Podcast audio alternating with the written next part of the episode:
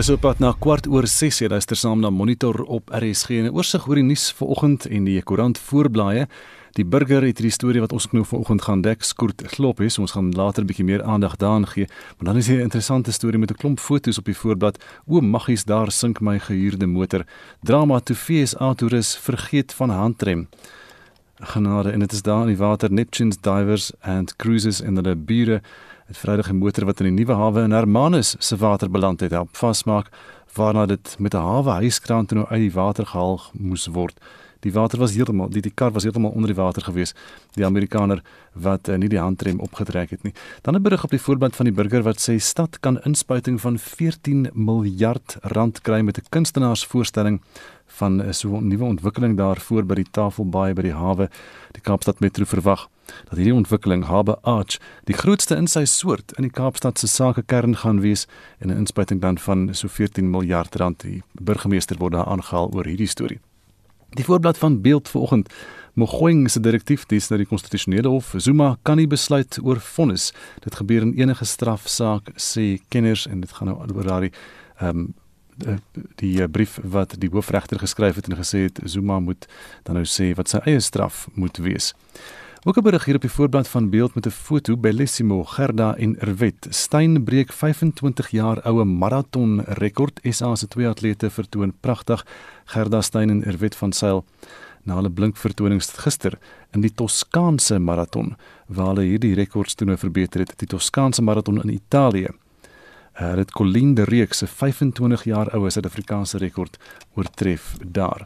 Die digitale voorblad van Volksblad en dan ook daardie stories en 'n foto dan van die koninklikes. Die koninklikes en die veldwagters by Windsor is in rou en dis 'n storie oor uh, prins Philip natuurlik en hier is 'n foto van die familie prins Andrew, prins Edward, Sophie gister by die kerk daar by Windsor saam met al die veldwagters van die Windsor Groot Park waar ehm um, Prins Philip, die het hom die hy was die ranger, net hom genoem, die veldwagter van daardie park.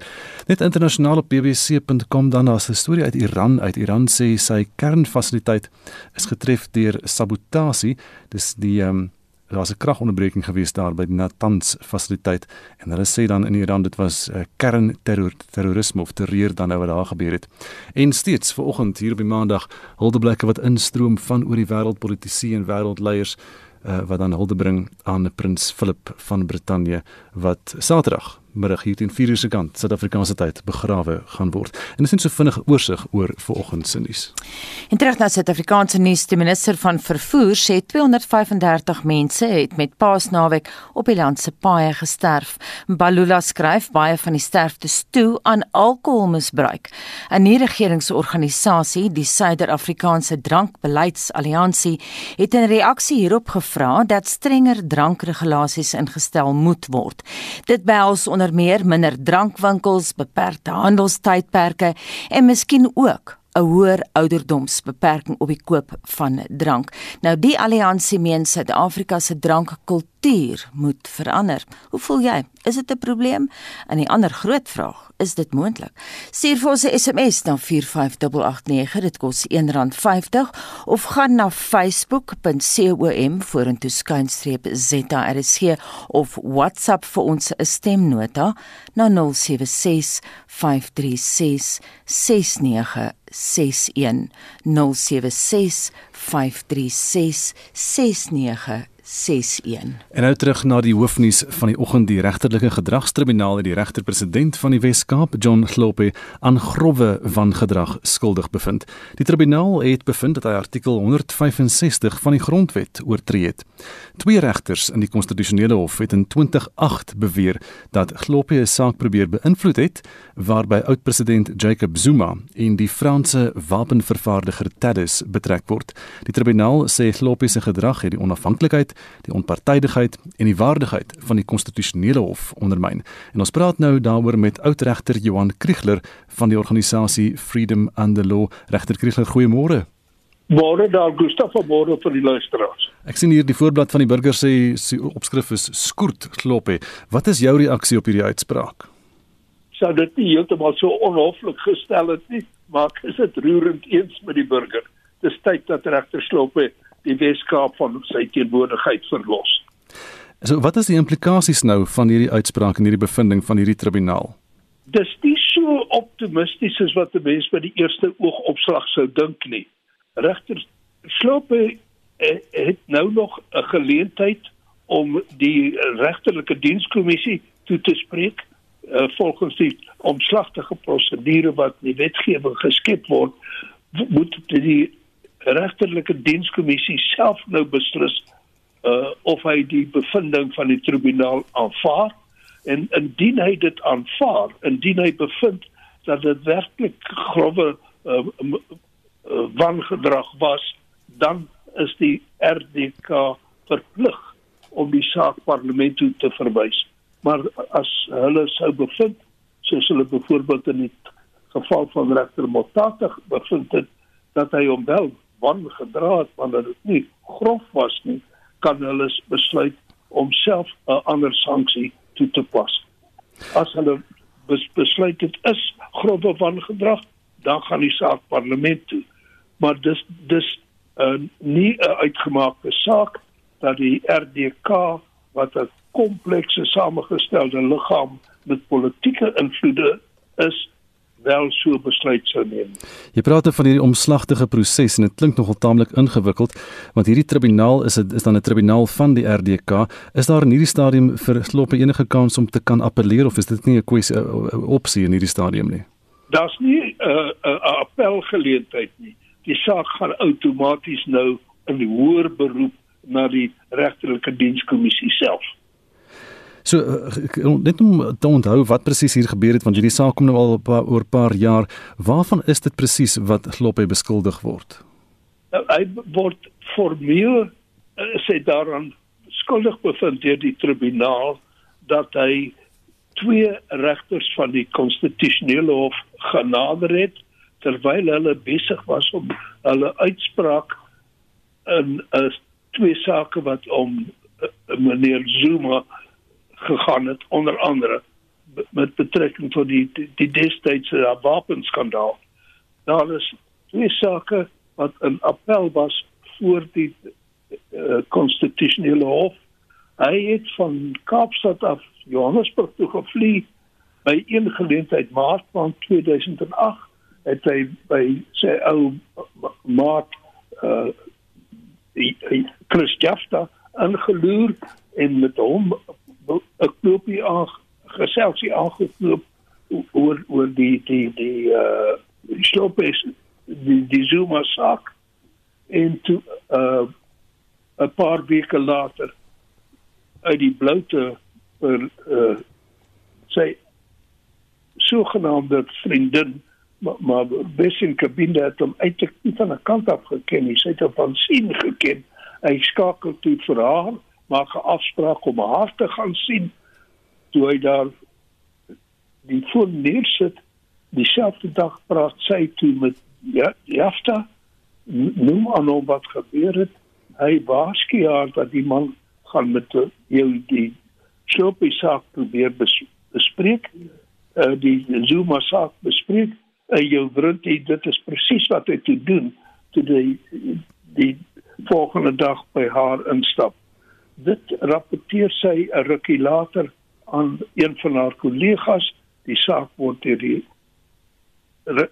die hoofregter destyds eers langer en sê adjunk die gamos en ek bespreek. Hulle roep al die regters bymekaar en hulle besluit hierdie is 'n lelike poging om ons uitspraak te probeer beïnvloed. Hmm. en hulle rapporteer dit so aan die regterlike dienskommissie. Dis nou, die, die ontstaan van die storie. Van die storie ja, lang jare gelede al. Nou hierdie regter John Gloppie, hy is nou die regter-president van die provinsiale afdeling daar die Wes-Kaapse Hooggeregshof. Maar hy is taamlik omstrede. Daar's baie ander sake ook waarby hy uh, genoem word of betrek word. Uh, kan die regterlike dienskommissie ander sake hier betrek of moet hulle hulle bepaal slegs by hierdie een saak? Dit gaan slegs om hierdie een saak maar Gustav tussen jou en my ek is seker die feit dat hy reeds so bestrede is en dat daar soveel ander probleme rondom sy naam hang sal onwillekeurig in die gemoedere van die regtelike dienskommissie lede wees. Terloops die RDK begin vandag 'n twee weke sitting uh of hulle by die saak sal uitkom is is uh, hoogs twyfelagtig want hulle het baie uh, digte agenda alreeds maar hulle teoreties kon hulle nou môre oormôre aanstaande dinsdag na die na die showbus kyk. Net vinnig laastens uh, is dit al ooit van tevore gebeur wat jy nou kan onthou dat 'n regter van sy regterskap gestroop is? Dit het nog nooit van tevore gebeur nie. Dit het in die geval van regter Motata amper gebeur, maar die RDK het gesê kom ons verboet hom liewer ter 'n jaar se salaris. Baie dankie die oudregter van die konstitusionele hof, Johan Kriegler. Nuus van 'n heel ander aard, die Suider-Afrikaanse Drankbeleidsalliansie vra dat strenger alkoholregulasies ingestel moet word. Die alliansie het gereageer op die aankondiging deur die minister van vervoer, Fikile Mbalula, dat 235 mense die Paasnaweek op Suid-Afrika se paaie dood is. Mbalula skryf baie van die sterftes toe aan drankmisbruik. Die direkteur van die alliansie, Maurice Smith, Leerders vra dat die regering met belangegroepe moet verenig om die kultuur van drankverbruik te verander. Vincent Mofokeng doen verslag. Die Suider-Afrikaanse Drankbeleidsalliansie het die presidentskap versoek om die wysigingswetsontwerp op drank van 2017 wat ondanks uitgebreide konsultasie momentum verloor het te bespoedig.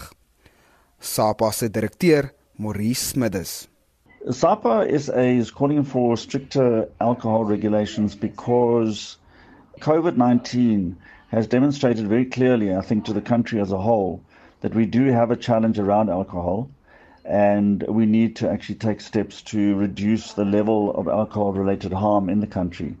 This is not new to the country. We have a liquor policy that was drafted in 2016 and adopted by Cabinet in 2016 which was a result of, of a, an assessment of the Liquor Act of 2003, which was found to be inadequate to deal with the levels of alcohol related harm in the country.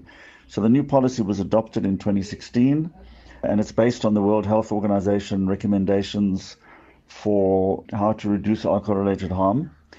And then a, a, a bill was, was drafted, the Liquor Amendment Bill, in 2016 also, which was sent out for public comment, and there was quite a lot of interest in the bill. But since then, it's more or less gone quiet. We understand from the Department of Trade and Industry that they are working on it, and that they hope to send it to Parliament or Cabinet soon. But there's definitely a need for better measures, and I think COVID has shown that. So therefore, we are calling for a change in the way in which we drink in the country, for a reduction in alcohol consumption. SAPA sê die goedkeuring van die wysigingswetsontwerp op drank sal beter regulering van die verspreiding, handel in en bemarking van drank beteken, 'n verandering ten goeie in plaaslike dranknorme en 'n vermindering van die ekonomiese en sosiale las van drank toeskryfbare skade vir die land. Through the, the, the World Health Organization recommendations of limiting or banning alcohol advertising and sponsorships, through the reducing availability of alcohol, which you can do through reducing the number of liquor outlets there are. You can do it by limiting the operating hours of liquor outlets, and you can do it also by increasing the age of drinking.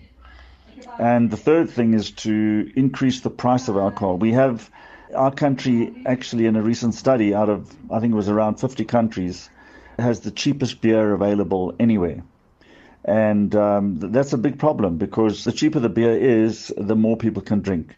And particularly with beer and, and cider, there's another problem, and that is the size of the containers.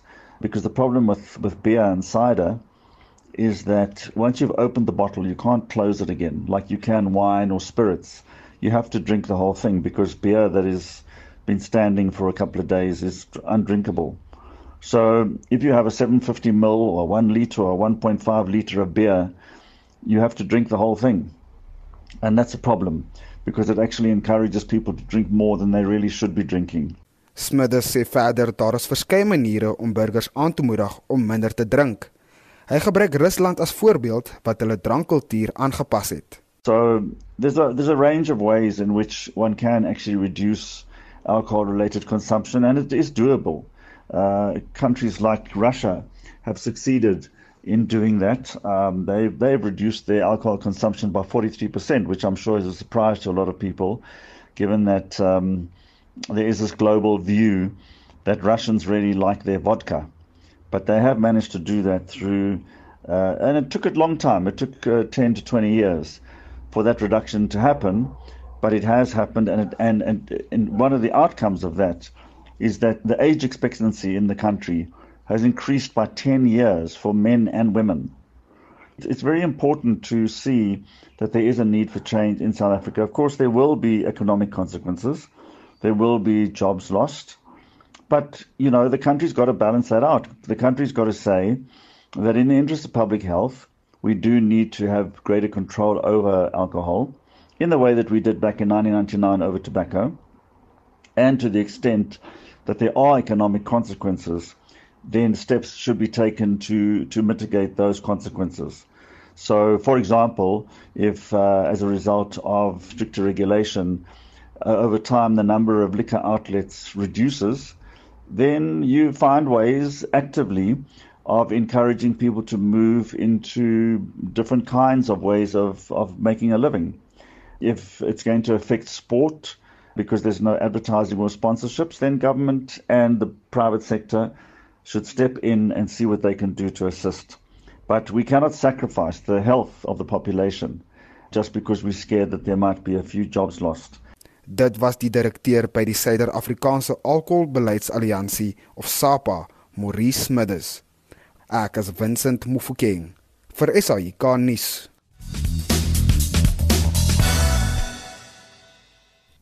Dit hoe lyk jou terugvoer vir oggend? Anita ons praat vanoggend oor 'n nuwe regeringsorganisasie, die Suider-Afrikaanse Drankbeleidsalliansie, wat vra dat strenger drankregulasies ingestel moet word, onder meer dat minder dat daar minder drankwinkels moet wees, beperkte handelstydperke en miskien ook 'n hoër ouderdomsbeperking op die koop van alkohol.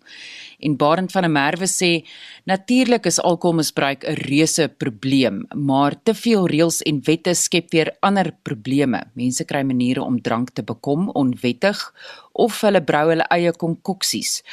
Ons is baie lief vir wette maak, maar ons het nie die kapasiteit om dit toe te pas nie. Ons paaie is ook vol slaggate.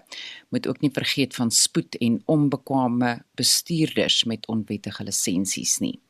En Jolene Botha laat weet vir ons die huidige wetgewing word nie eens toegepas nie en ons polisie en verkeersbeamptes kan nie eens nou die land, paaie of die mense onder beheer hou nie.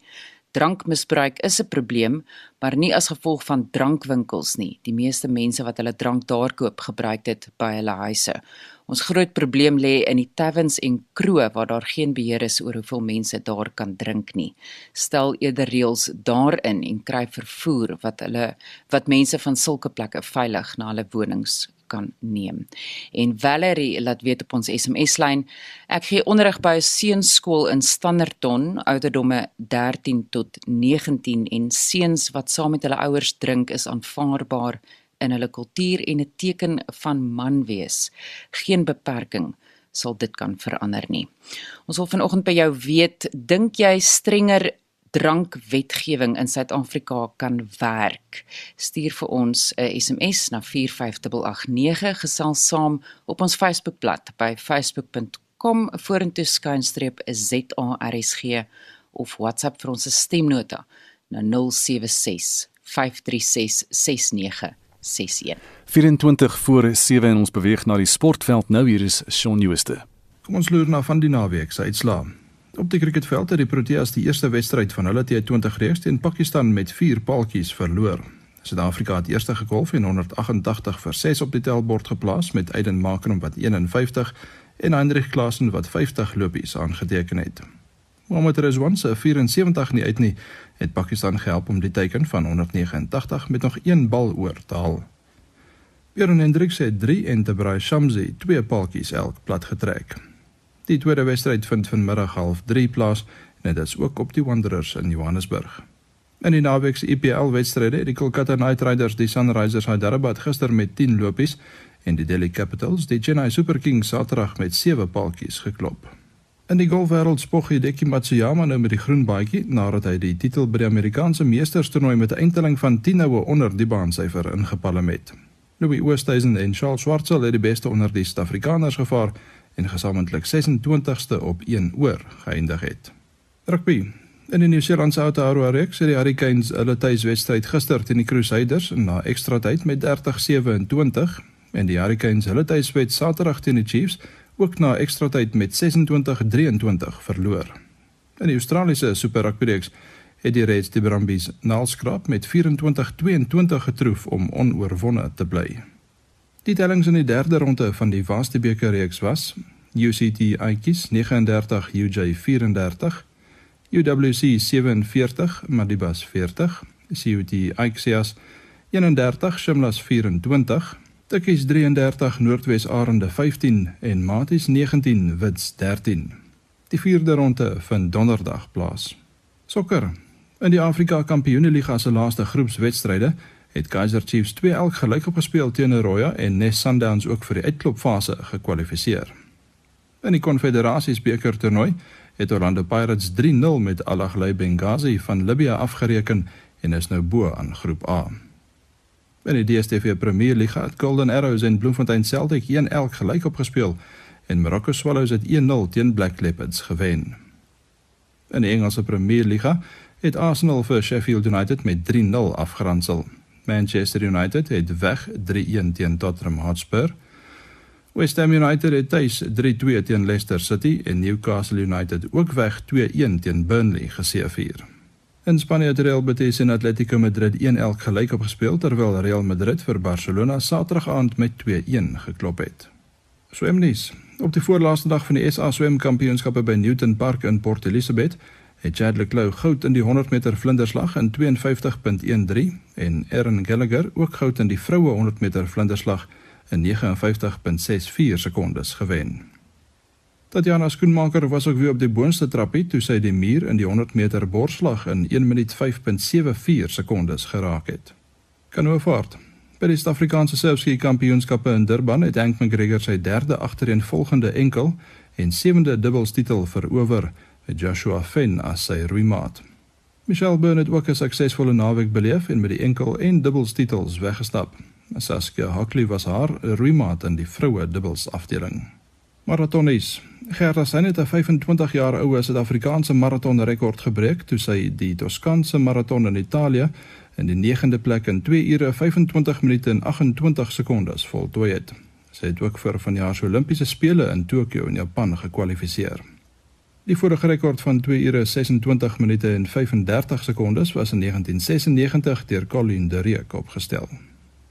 En laastens in fietsrennies. Team Jumbo Visma se Primož Roglič van Slovenië was die wenner van die Tour deur die Baskeland in Spanje met Suid-Afrika se Darryl Impey 59ste en Stefan de Bont 93ste. Shaun Schuster, SAK Sport. Nou so 19 minute voor 7 by Monitor in die premier van die Noord-Kaap en lid van die Noord-Kaapse provinsiale wetgewer Zamani Soul sê radikale ekonomiese transformasie is die voorloper tot die stigting van 'n nuwe party. Ons praat ver oggend hieroor met professor Erwin Schwella, dekaan by die skool vir sosiale innovasie by die Huguenot College. Goeiemôre. Goeiemôre. Erwin, jy het nou professioneel saam met Sol gewerk. Wat is sy aard en wat sou sy motief vir so 'n uitspraak wees? Al Dr. Sol uh, was vir 'n uh, hele lang ruk eh, 'n uh, dosent uh, by die skool vir regeringskunde aan die Universiteit van Wes-Kaapland en uh, is eintlik 'n knap regeringskundige. Eh, professioneel en akademies goed onderleg. Ehm um, en ek dink hy kyk maar na hierdie hele benadering uh, uit die hoek van die verskillende faksies. Uh, selfs al is jy kundig en betrokke uh, op 'n akademiese manier is daar nog steeds binne die party uh, bepaalde posisionering rondom uh, magsposisies en Dr. Sol is uh, een van die mense wat 'n sterk ondersteuner is van uh, meneer Ramaphosa. So hy kyk na die ding en sê Wel, julle bied dit aan as 'n radikale ekonomiese transformasie, maar dit het veel meer te maak met die verdoeseling van van die korrupsie van die sekretaris-generaal en sy groepering wat dit op hierdie stadium uh, gebruik uh, as 'n soort uh, oorverblindery. Um, en dan kom hy by die punt dat uh, binne in die uh, ANC se se hoofkantoor is daar 'n groep mense en die president het ook reeds daarna verwys wat dan nou besig is om eintlik uh, te mobiliseer en dit kan daartoe lei dat daar nie net 'n afsplitsing is maar selfs die stigting van 'n nuwe party. en hy het waarskynlik ook inligting in die verband. Ek wil nou juist vir jou vra as jy nou jou beste raai skoot moet wag. Dink jy die ANC sal wel skeer oor hierdie radikale ekonomiese transformasie? Faksie, ek sien ehm um, Dirk Coetzee se naweek aangehaal in die pers en hy het gesê hy dink nie dit sal so ver gaan nie. Nou uh, dit hang natuurlik af wat mense uh, bedoel met 'n skering, nê. Nee. Uh, ons weet daar was nou al 'n verskeidenheid van vorige geleenthede ehm um, meneer Bantuolo Mesa uh, koop en en en, en verskeie ander ehm um, afsluitsings. Ehm um, die definisie van 'n skering is waarskynlik dat jy 'n wesentlike hoeveelheid mense kry wat uiteindelik uitbeweeg en dat hulle met hulle 'n aantal ehm um, uh, mense saamneem groot genoeg om 'n verskil te maak in die magsbalans binne die ANC. Dit lyk my as ons gaan kyk wat op die grond aan die gebeur is, ehm um, die die een uh oorweging wat ons nou nog nie heeltemal oor duidelikheid het nie, is hoe die 30 dae en meneer uh, Magashule se se toer deur die land en gesprekke met ANC leiers en en en partytakke dit gaan beïnvloed. Maar ehm um, uh, uh, en en ons weet meneer Zuma het daaraan geslaag om daarmee op steen te werk vir sy uh oorname destyds. Uh, maar ek dink uh, my kollega uh, professor Kotse is, is heeltemal reg. Ehm um, dit lyk asof meneer Ramaphosa besig is om op al die vlakke, by al die plekke waar mag gesetel is om uiteindelik besluite te neem, tog die oorhand gekry het. En dan word dit natuurlik moeiliker vir hierdie mense om uit te beweeg want dit beteken eintlik dat hulle hulle self losmaak van al die geleenthede om op korrupte en ander wyse voordele te kry uit die stelsel. So daar is 'n beloning daarin om binne te bly. Um, en ons weet van 'n uitspraak wat oor jare bestaan binne die ANC wat sê dis koud daar buite. Mm. Jy praat nou van Ramaphosa wat nou toenemend die oorhand kry. Beteken dit dat die topstruktuur van die ANC in sy rigting inleen? Nou, uh, op elke vlak uh, waar hierdie waar hierdie magsesbome aan die werk is om om invloed uit te oefen in 'n bepaalde rigting en ten gunste of ten koste van 'n bepaalde faksie, is daar verdeling. Ehm um, dit wil lyk of op die meeste vlakke en soos ek sê die die die vlak van die takke is is onbekend. Meneer Ramaphosa die oorhand gekry het, so ook onder die top 6. Ehm um, as 'n mens byvoorbeeld gaan kyk uh, na die premiers nou ons ons onthou dat ehm um, vroeër het ons die premierliga gehad waar 'n hele aantal van die ANC premiers uh, onder andere uh, meneer Magashule self ehm um, en die Noordwes premier en uh, die die huidige visiepresident uh, op 'n manier in 'n ander in 'n ander groepering was die Ramaphosa het stadig maar seker sy mag gekonsolideer uh, en dit lyk asof um, hy hierdie uh, moontlike bloeding gaan stop en asof dit nie gaan lei tot sy uiteindelike val nie. Jy praat van die takke, is is dit enigstens moontlik om te bepaal of hoe, hoe groot is die steun vir hierdie RET faksie by die takke van die party wat mens sien nou en dan jy sien media aandag, ehm um, Karl Nielsen so aan, maar hoeveel steun is daar werklik op op voetsoelvlak? Dis natuurlik dit is baie moeilik Gustaf. Ehm um, mense moet ook onthou dat ons het nou onlangs die geval gehad waar die uh, uh waar, waar in die hof bepaal is dat byvoorbeeld die Vrystaatse uh verkiesings wat meestal deur die takke gevoer word uh ongeldig is. So 3 tot 4 van die ANC se provinsiale strukture waarbinne die takke eintlik die groot sê het is is uh, ernstig wanfunksioneel. Uh ons het nie op hierdie stadium uh byvoorbeeld 'n uh, opname wat een of ander wetenskaplike uh, instelling van maak het om te sê wat is die staatsvlak op die takke nie. So dit is meestal spekulasie. Uh daar is aanduidings dat in elk geval in KwaZulu-Natal uh meneer Zuma en die RET faksie nog groot steun het, maar in die Oos-Kaap wil dit lyk asof dit geswaai het wat die wat die wat uh, gewoonlik die provinsie is wat die ANC die tweede grootste steun op hierdie stadium het. En binne die die die die KwaZulu-Natal party is daar groot verdeeldheid ook rondom meneer Zuma. So om jou vraag konkreet te antwoord, dis alles spekulatief. Ons weet nie weer eens ehm um, die aanvoeling wat 'n mens kry is is dat ook op die takvlak meneer Ramaphosa as gevolg van sy staatsmanskap en die manier waarop hy die die pandemie ook hanteer en en 'n klomp ander dinge tog die oorhand gekry het. Mhm. Mm Erwin Sibongile Besani van die ANC se UNK het onlangs gesê dat radikale ekonomiese transformasie eintlik deel is van sy woorde bestaande ANC beleid en Karl Neels het 'n soortgelyke stelling gemaak wat presies bepaal ANC beleid oor RET. Nou dis uh, dit is wel so dat uh, ook uh, minister Lamini Zuma uh, heel onlangs uh, in 'n in 'n toespraak wat sy gehou het gesê dat dit radikale ekonomiese transformasie is eintlik deel van die beleid soos dit uh, al in die Freedom Charter vervat was.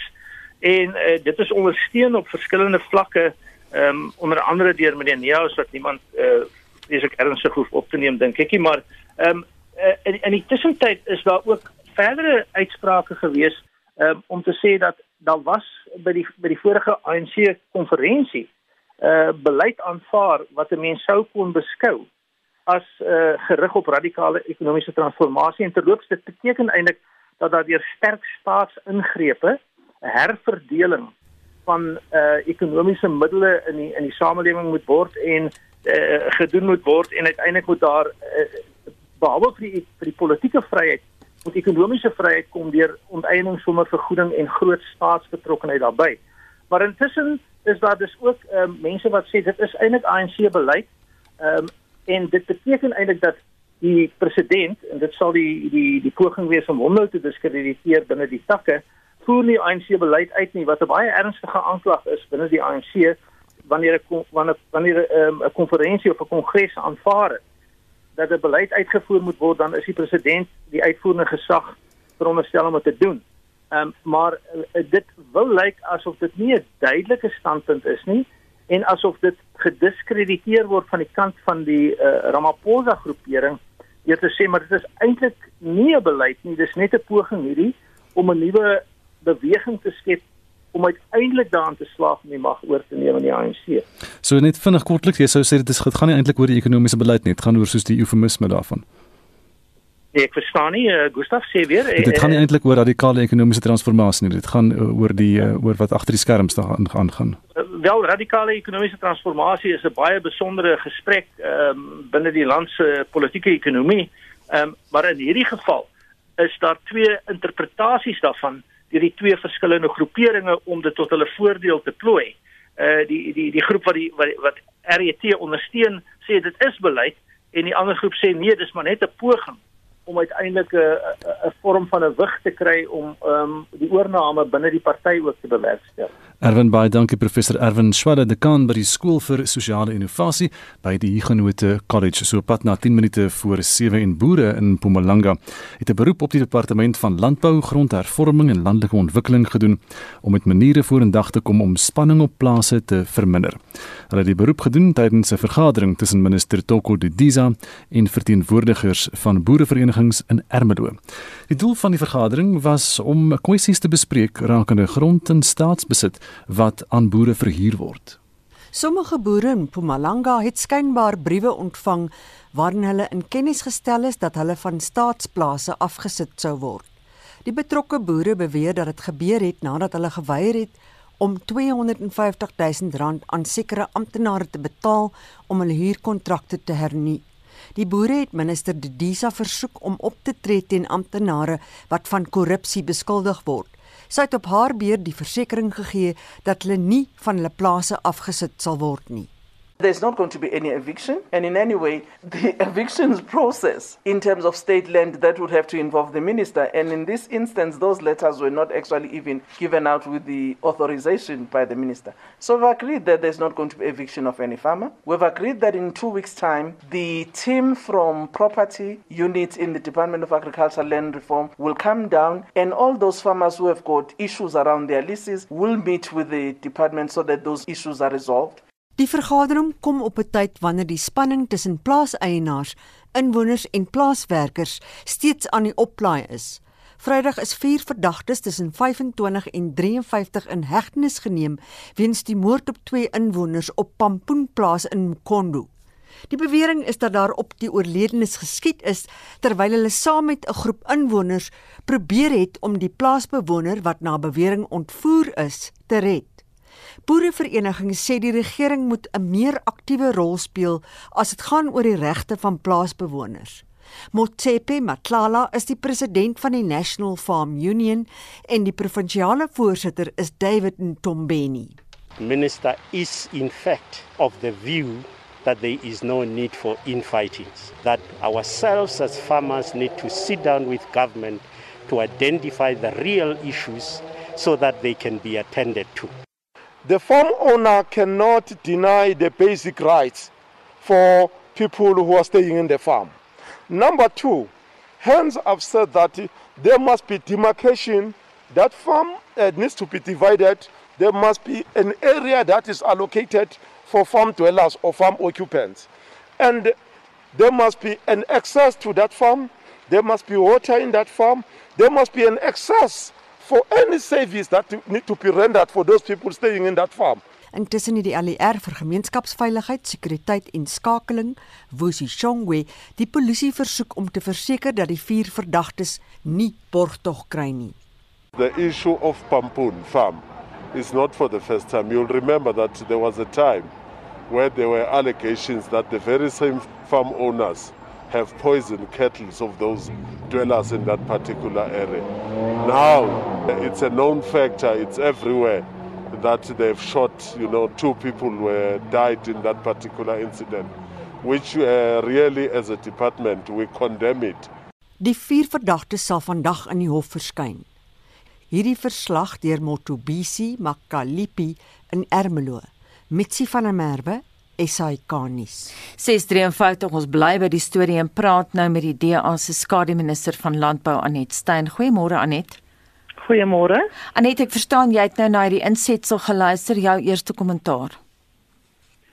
Ja, ek het um, geluister na die na die insetsel en ek is ook bewus van die skietery wat laat blyk volgens die polisie plaasgevind het in daardie gebied. Dit is on, dit ontstel mens dat hierdie tipe van voorvalle nog steeds plaasvind op plase. Ehm um, dit is ook wat ons altyd sê dit is nodig vir die reg om sy gang te gaan en mense met die geleentheid kry om hulle self te verdedig in 'n hof.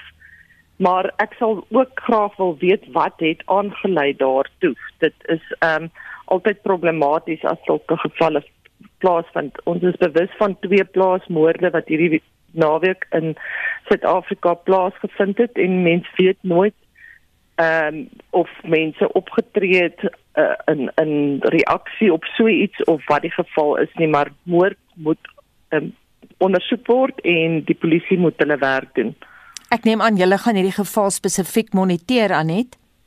Ja, ons sal seker maak dat die geval gemoniteer word en dat ons seker maak dat ons sien wat daar gebeur het. Mhm. Mm en jou reaksie op die Disa se besoek aan die gebied? Ja, dit is nogal vir my interessant. Ek is in die eerste plek baie bly dat sy gegaan het. Dit sloer nou al maande dat ons probeer dat die minister aandag gee aan daai saak.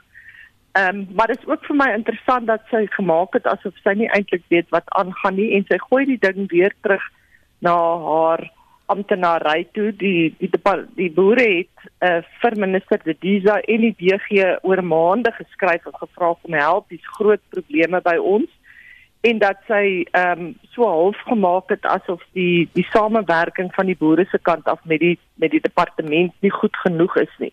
En ek dink dis juist een van die probleme. Ek is nie altyd seker dat die amptenary wat met hierdie sake moet werk, verstaan in die eerste plek hoe landbou werk nie van daai boere was 6, 7 jaar sonder enige huurooreenkoms of sonder enige ooreenkoms met die staat om te bewys dat hulle op die grond mag wees. Hulle het al hulle kontrakte wat hulle gehad het met uh instansies waar hulle moes uh, produkte lewer verloor omdat niemand met hulle 'n kontrak wou sluit omdat hulle nie um enige ooreenkoms met die staat gehad het nie. So ek dink die feit dat boere nie kan vooruitgang in Suid-Afrika nie, swart boere spesifiek is is is direk gekoppel aan die swak diens wat hulle kry van die departement af en ek dink dit is tyd dat minister Tediza dit direk aanspreek. Mm -hmm. Hoe is julle verhouding met haar Anet? Dit is moeilik om dit te sê ons uh, ons sien mekaar eintlik glad nie behalwe as ons in komitee vergaderings is. Ehm um, dan het ons 'n redelike goeie verhouding. Ons ons praat openlik met mekaar en ons is vriendelik met mekaar, maar dis nie dat ek die telefoon kan optel en na bel en vir sê daar's 'n probleem nie. Ek het nou 'n stelsel gevind om probleme soos hierdie direk aan haar kantoor te stuur en ehm um, maar jy weet een van die reaksies na hierdie naweek se besoek is juis dat ek wil meer kommunikasie. Dit help nie ek stuur vir haar probleme aan en dan hoor ek eintlik niks van haar kantoor terug. Ek kry ek geen terugvoering nie. Hmm. As ek moeite doen om vir haar probleme uh, uit te lig verwag ek darm ten minste dieselfde van haar kant af om vir my terugvoering te gee. Baie dankie en so sê die DA se skademinister van landbou Anet Stein. Is dit duidelik wanneer die Polokwane internasionale lughawe weer normale vlugte sal kan hanteer nie? Die lughawe het sy lisensie verloor om handelsvlugte te hanteer omdat hy nie aan die vereiste minimum veiligheidsstandaarde voldoen nie. Die Suid-Afrikaanse burgerlugvaartowerheid het die lughawe afgradeer na kategorie 2. Die lugdiens Airlink se bestuurshoof Roger Foster sê hulle het alle vlugte na Polokwane gestaak. The decision to suspend services is not Airlink's decision, is mandatory in the absence of the required category of aerodrome rescue and firefighting services. And flights from Wednesday onwards have been suspended until the airport complies with its license requirements. The suspension of services will cause a disruption which is regrettable and most unfortunate especially so as there was no prior notice. We are still awaiting answers from the Polokwane Airport management as to when the airport will be able to resume its normal category, which is category 7. These aircraft require a minimum of category 4 for the 29 seat type. Die Limpopo Departement van Vervoer sê hulle sal saamwerk met die relevante rolspelers om die lughawe so gou as moontlik te heropen. Die verslag deur Michael Makungu, Mitsi van der Merwe, SAK nuus. Estie, hoe lyk dit terugvoer? Anita Petro Kreer sê strenger wette gaan nie voorkom dat mense drink en bestuur nie. Dit moet soos in Australië en Europa sosiaal onaanvaarbaar wees om te drink en bestuur. En daar moet ook meer effektiewe polisieering en wetstoepassing wees. Sy sê 'n groot persentasie van ons padsterftes is ook voetgangers waar alkohol ook 'n groot rol speel. En 'n luisteraar laat weet op ons SMS-lyn, dit help nie die regering straf drankwinkels deur ure korter te maak nie. Die probleem lê nie daar nie. Strenger strafmaatreëls vir oortreders is 'n moet. En dan sê nog 'n luisteraar, ons het die naweek 700 km gery. Die grootste probleem is onpadwaardige voertuie, voertuie sonder ligte. Maar verkeersbeamptes trek voertuie af en kyk net na lisensies en nie na hierdie ander probleme nie. Ek is net so na 08:30 weer terug met nog van jou terugvoer. Laat weet vir ons wat jy dink van hierdie drankbeleidsalliansie wat strenger drankmaatreëls wil instel. Intussen bly ingeskakel want Monitor het Vrydag berig oor die tafeldryfbedryf wat 'n rekord oesjaar gehad het. Vanoggend kyk ons na die wynbedryf, daai onderhoud na 7 en dit bring ons by die 7 uur nuus.